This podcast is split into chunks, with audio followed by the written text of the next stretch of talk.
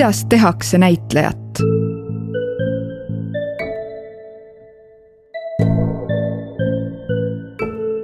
Henelis Notton ja Paavo Piik kuulsid ahistamisjuhtumitest teatriringides ning otsustasid asja uurida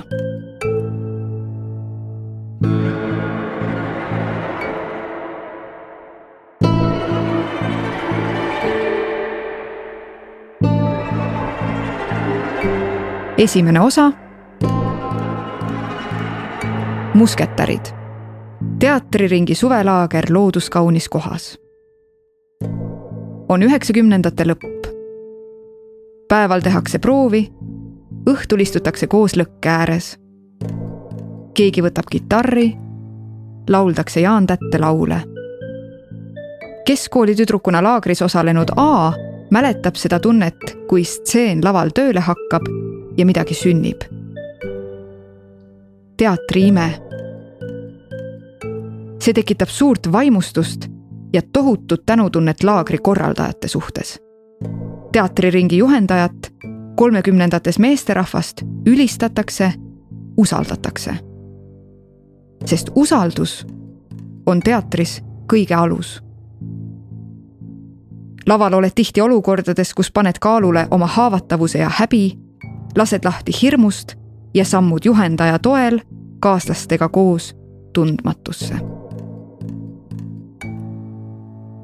amelemisi võis olla ka nähtavalt, ütleb teine laagrites käinud tüdruk B. aga pigem toimusid need kuskil metsatukas. lõkkeõhtute juurde käis vaba õhkkonnaga laagris ka väike vein või siider, kes soovis, ehkki laagris osalejad olid alaealised külalisõppejõududena käisid laagrites abiks juhendaja sõbrad, tihti ühed ja samad kolm meest, kes alkoholist innustust said. oo, sul on nii ilusad rinnad, lendas ühe kommentaar. järgnes tungiv palve oma käsi nende peal proovida. B meenutab, et lõkkeõhtute edenedes muutus meeleolu üha joviaalsemaks, alates tüdrukute jalgade katsumisest ja seeliku alla vaatamisest kuni selleni, et pidid kellegi genitaali puudutama või käes hoidma. alguses oli see nagu läbi nalja, aga siis ühel hetkel läks tõsiseks. kui üks meestest, nimetame teda tõsise maneeri tõttu Aatoseks, ühel ööl natuke palju napsi võttis ja vägivaldseks muutus, üritades pääseda oma väljavalitust keskkooli tüdruku kämpingusse, läksid hirmunud tüdrukud juhendajalt abi paluma et see sõbra korrale kutsuks. B-le jääb igaveseks meelde juhendaja kimbatus. ega ma ise ka mingi ingel pole olnud. A meelest on imelik, et nendes laagrites ei olnud mingit kontrolli, mingit instantsi, mis seisaks laste turvalisuse eest. ja siis see inimene, kes peaks seda tegema, on vabandust, aga ise selle kurja juur teatriringi juhendaja, nimetame teda juhi omaduste tõttu D'Artagnaniks, oli tollal ise suhtes oma kunagise õpilasega ja mõni aasta hiljem kolis kokku ühe teise, tol hetkel alaealise õpilasega. see oli nagu mingi turg nendele pervaritele. A meenutab ühte Aatose lähenemiskatset. ta konkreetselt käis mul järel ja ei lasknud olla ma olin mingi viisteist, kuusteist, üles kasvanud ilma isata. mõtle ise, sa oled viisteist, kuusteist ja natuke kuulus inimene hakkab sulle tähelepanu pöörama, tunniväliselt ka. võib-olla täna ollakse teadlikumad, aga minu esimene mõte oli, et oh, päris põnev. me läksime jalutama, istusime mere ääres, siis läks ta käsi mulle põlve peale, siis juba ümber. tema tähelepanu oli tore aga selline olukord, väga nõme. ja samas, ta on täiskasvanud mees, natuke kardad ka, et mis siis, kui ta vihaseks saab. muutub äkki vägivaldseks. veel üks Aatose toonaseid lähenemistaktikaid, mida ta B peal kasutas, oli. tead, ma olen selles komisjonis. ja sa oled sada protsenti lavakas sees kolmandal mehel nimetame teda naljasoone tõttu Portoseks, oli omamoodi strateegia. A sõnul üritas ta teda mitu päeva ära rääkida sellega, et lähme purjekaga sõitma. ma lõpuks ütlesin, okei okay,, lähme siis. aga siis kõik jutud, mis ta seal paadisõidul ajas, see ligiajamine. rõve, päriselt ka, rõve. see purjekas oli tal igas laagris kaasas. Ma ei taha mõelda, mitu tüdrukut sellega veel sõitmas käisid. B meenutab, kuidas A aastaid hiljem pundi laagris käinud tüdrukuid lõunale kutsus ja ütles. kuulge, tüdrukud. see ei olnud ju normaalne, mis tollal toimus. seda kuuldes ei osanud keegi reageerida. kõik olid nagu puuga pähe saanud. kui oled ise asja sees, võib olla keeruline mõista, mis toimub, kuna kõik juhtub samm-sammult. nüüd laagritele tagasi vaadates ütleb B, et see esinemisjulgus, mis sealt saadi, need ühised õhtud ja jutuajamised ka endast vanemate inimestega olid vaieldamatult hindamatu väärtusega. aga ära näpi, ära käpi, ära kasuta seksuaalselt ära. A lisab, et kindlasti ei mäleta ta tollest ajast kõike faktilise täpsusega. Ent see ebamugav tunne, mis tal oli, ei ole kuhugi kadunud oma esimeses vastuses meile ütleb ta. selle kirjaga juhtus täitsa ootamatu asi. mind valdas totaalne ärevus, mida maandan juba mitu tundi. ma ei saanud tollal laagri juhendajale rääkida, sest ta oli teiste õppejõududega sõber. kodus ma ei saanud emale rääkida. teised tüdrukud seal laagris. See oli sihuke üldteada asi. mis sa sellest siis räägid? ja kohe kindlasti ei tulnud mõtet pöörduda noorsootöötajate poole. Nad olid siis palju vähem nähtavad kui nüüd.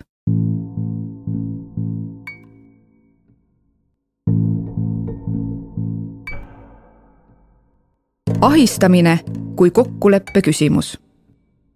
mida teha selliste lugudega praegu? ühest küljest kõik taolised juhtumid aeguvad kahe aastaga. teisest küljest ka minevikus toimunud lood oleks vaja ära rääkida, sest ahistamine ei ole ainult juriidiline küsimus. Pole ju Me Too või pealetükkivaid sõnumeid koondavate see pole okei okay liikumiste eesmärk toimepanijaid kohtusse viia, vaid näidata, kui paljud tegelikult ahistamist kogevad ning tuua välja, et selline käitumine ei ole vastuvõetav. Vahet ei ole, kas seda on võimalik seadusega karistada või mitte praegu registreeritakse Eestis vaid natuke üle kolmekümne ahistamise aastas. tegelikkuses jääb peamine osa juhtumitest varjatuks, sest see ei ole kannatanule lihtne teema, millega politsei poole pöörduda. nagu ilmneb kirjeldatud lugudest, on vahel keeruline pöörduda isegi noorsootöötaja või oma lähedase poole. Lihtsam on halva mängu juures head nägu teha või järele anda kahtlusele, et äkki ma sain ise millestki valesti aru või käitusin kuidagi provotseerivalt. ei taheta ka juhtumit uuesti läbi elada. kardetakse võimalikku venivat kohtuprotsessi ning meedia tähelepanu. milleks siis neid lugusid rääkida? ka aastaid hiljem.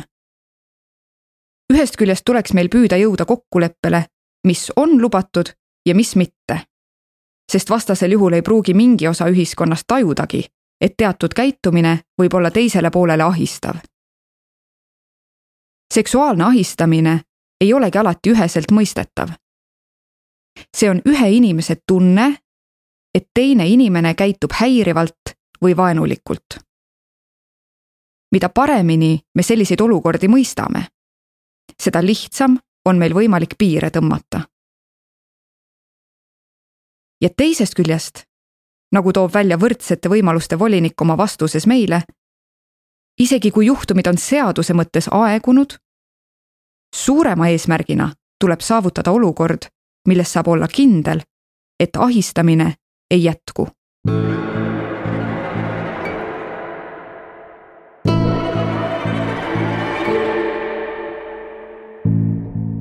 Suve lõpp.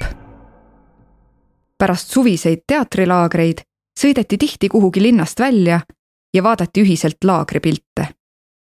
mõnikord korraldati ka matku või mindi mõnele saarele.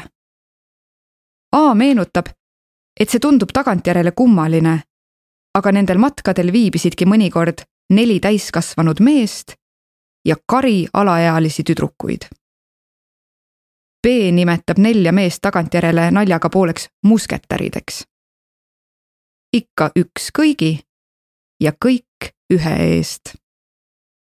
A mäletab, kuidas kord pärast laagri lõppu lasi Aatos tal lõbustuspargi aia taga oodata, samal ajal kui mees seal oma pojaga aega veetis. pärast viis ta lapse koju ja me sõitsime ringi. ta tahtis mind kuhugi viia. lõpuks jõudsime tema juurde ja ta tahtis konkreetselt seksi. See oli tal kuidagi üles ehitatud, et üks olukord pidi viima teiseni ja siis see pidi nagu juhtuma, aga A raputab resoluutselt pead. ei juhtunud kahe tuhandendate alguses, kui B oli äsja keskkooli lõpetanud, mindi pärast suvelaagrit koos D'Artagnani ja ühe teise tüdrukuga mere äärde ujuma. B sõnul oli teatriringi juhendaja talle natuke nagu teine isa. meil olid soojad, sõbralikud suhted. õppejõududest oli kaasas veel Aramis, nimetame teda nii tema alkoholilembuse tõttu, kellel oli auto ja kes sõidutas kampa ühest kohast teise pärast ujumist osteti väike vein ja mindi Aramise korterisse suve lõppu tähistama. alguses tehti palju nalja ja lauldi, kuni mingil hetkel käisid mehed köögis midagi omavahel rääkimas. B meenutab, et tollel teisel tüdrukul ja Aramisel oli selleks ajaks olnud juba mingi väike flirt või puudutamine, mida ta veiniuimas kahepoolseks pidas. aga mida teine tüdruk kirjeldas hiljem sõnadega rõve, ebameeldiv kole. varsti pärast vestlust kadusid Aramis ja teine teatriõpilane, kes oli seitsmeteistkümneaastane, tagatuppa.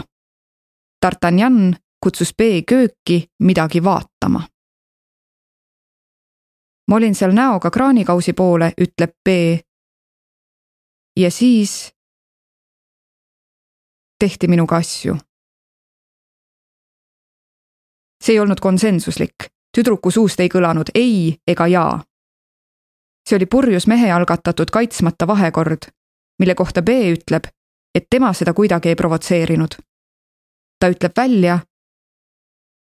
ma kaotasin oma süütuse vägistamise teel. Tagantjärele on B püüdnud palju kordi toimunut mõtestada. enne seda ei küsinud mees kordagi, kas ma meeldin sulle või kas see on okei okay?. pärast ei järgnenud samuti midagi. ei hoitud ühendust ega palutud vabandust. teatriringi juhendajal, kelle nii eelmine kui ka järgmine pärissuhe oli oma teatriõpilasega, ei olnud seal köögis mingit taolist eesmärki. see oli robustne ärakasutamine õpetaja-õpilase usalduse pealt. šokk kestis tükk aega B mäletab, kuidas tal oli veel pool aastat pärast juhtunut räpane tunne, mille tahtnuks endalt kuidagi maha pesta. see, mida see teeb noore inimesega. See pani mu seksuaalelule ikka mingi viieteistaastase põntsu. ja siiamaani on kindlasti mingid asjad, mis mõjutavad. B sõnul ei tulnud ta selle pealegi, et minna järgmisel päeval kuhugi avaldust tegema pigem oli hea see, et sain sellest kohe rääkida ühe omavanuse inimesega, keda ma usaldasin. teise tüdruku lugu, kes oli tol mälestusväärsel õhtul samal ajal kõrvaltoas koos Aramisega, me ei tea.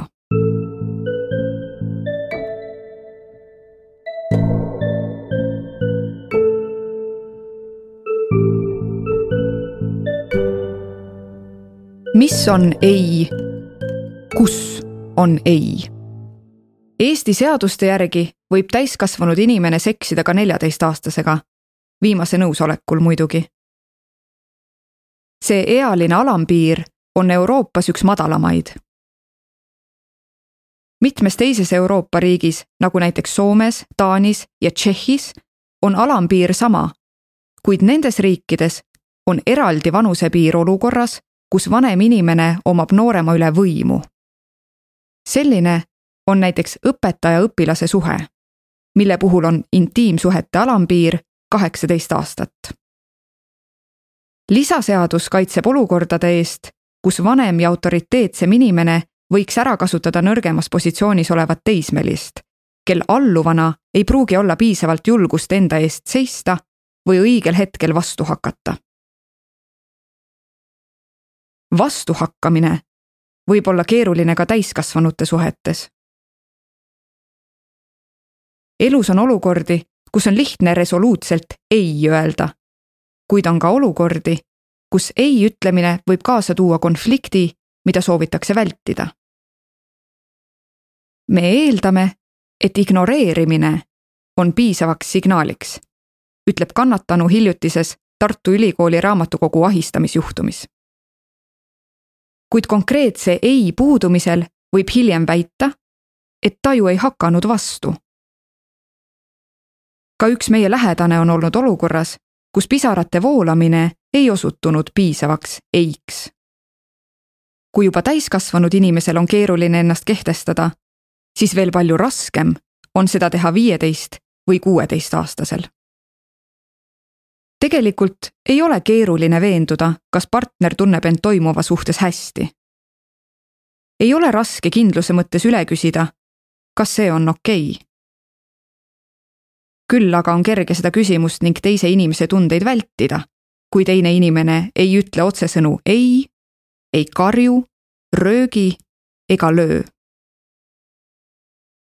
vägistamisest rääkides mõeldakse tavaliselt olukorda, kus tuleb keegi võõras ning tirib ohvri varjatud kohta. ohver hakkab vastu, kuid sellest pole abi. Eesti Seksuaaltervise Liidu andmetel on enam kui kolmveerandil juhtudest seksuaalvägivallatsejaks aga hoopis keegi ohvri lähedane. kui teo toimepanija on sõber, kolleeg või õpetaja, võib olla raskem seda seksuaalse väärkohtlemisena näha millegipärast ei taha me uskuda, et teatriõpetajad ise ei saanud tol hetkel aru, et nad midagi valesti teevad. loomulikult võib juhtuda, et vanem ja noorem inimene armuvad. aga niipea, kui selline käitumine muutub mustriks, kaob sealt ära romantika ja meestest saavad tüübid, kes lähedussuhete loomiseks oma võimu ära kasutavad mainitud Tartu Ülikooli juhtumi puhul imestab kannatanu, kes ringkonnakohtus kaotas. praegune kohtuotsus eeldab, et piiri peab tõmbama alluv, mitte ülemus. ja naine kui alluv peab oskama ka kõige ootamatumal hetkel ratsionaalselt otsustada. mitte ülemus. aga sellised inimesed on osavad manipulaatorid. mitte kunagi ei tule nad ütlema ausalt ja avalalt, et mul on täna sinuga sellised plaanid, võta aegsasti vastu otsus.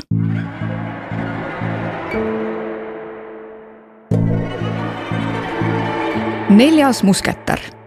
kahe tuhande kümnendate alguseks oli kunagisest külalisõppejõust Aramisest endast saanud teatriringi juhendaja. C meenutab, et mitmed tema kaaslased rääkisid, et õpetaja suhtlusstiil on imelik.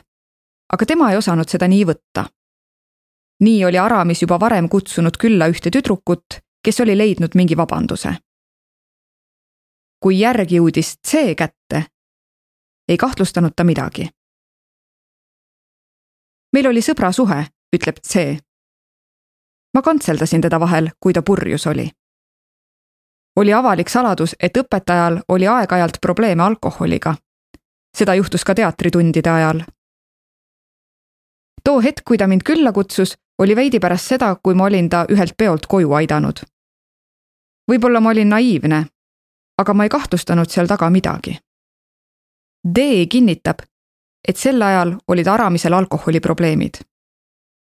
ta oli nii-öelda tsükliodik. mitu kuud täiesti korralik ja siis nädal aega iga päev purjus. oli juhtumeid, kus oli käimas pingelisem prooviperiood ja samal ajal, kui meie stseene harjutasime, käis ta vahet pidamata saalist ära ning jäi aina rohkem purju. pärast proovi leidsime tualetist tühja lauaviinapudeli. kui C Aramise korterisse jõudis, rääkisid nad esmalt sõbralikult juttu, meenutasid ühiseid aegu ja jõid natuke veini, aga mitte purju. siis mingi hetk läks ta konkreetseks. see istus diivani peal. Aramis istus tema kõrvale ja hakkas nagu veits näppima. järgmisel hetkel viis ta jutu selleni, et jääd ikka ööseks siia või? D meenutab omalt poolt, et Aramis tahtis õpilasi oma autoga pärast proove alati koju viia. sellel oli ka oma eesmärk. nimelt, kes viimasena ära viidi, jäi üldjuhul Aramise meelitamise ja keelitamise ohvriks. D oli ise mitmel korral see viimane. Kui juhtusid veel tema kõrval istuma, siis need olid korrad, kus ta väga sujuvalt hakkas kätt põlve peale panema ja samal ajal kutsus järgmine päev kas kinno, kohvile või tema juurde veinitama. D, kes tol hetkel oli kaheksateist, üheksateist aastane, kartis mehele öelda, et selline käitumine pole sobiv. seda just tema karmi loomuse pärast. kui mõni tüdruk ikka konkreetselt ära ütles, siis sai ta sõimuosaliseks, et teine osapool kujutab kõike ette see ei kartnud õnneks diivanil õigel hetkel pidurit tõmmata. ma olin nagu, mis asja? et ei, ei, ei, ütleb C, et back off. Õnneks oli ta selles mõttes ikkagi viisakas. kui ma ütlesin ei, siis oli ei. sedasama ei saa öelda mõne teise vanema teatri või filmimehe kohta C elus kellest üks talle öösel võõras linnas noorteetenduse proovide ajal purjus peaga kätt püksi ajada üritas ning teine aastaid hiljem teda endaga seksima sundis. sarnaselt B-ga ütleb ka C, et kaotas oma süütuse vägistamise teel. aga see on juba ühe hoopis teise loo teema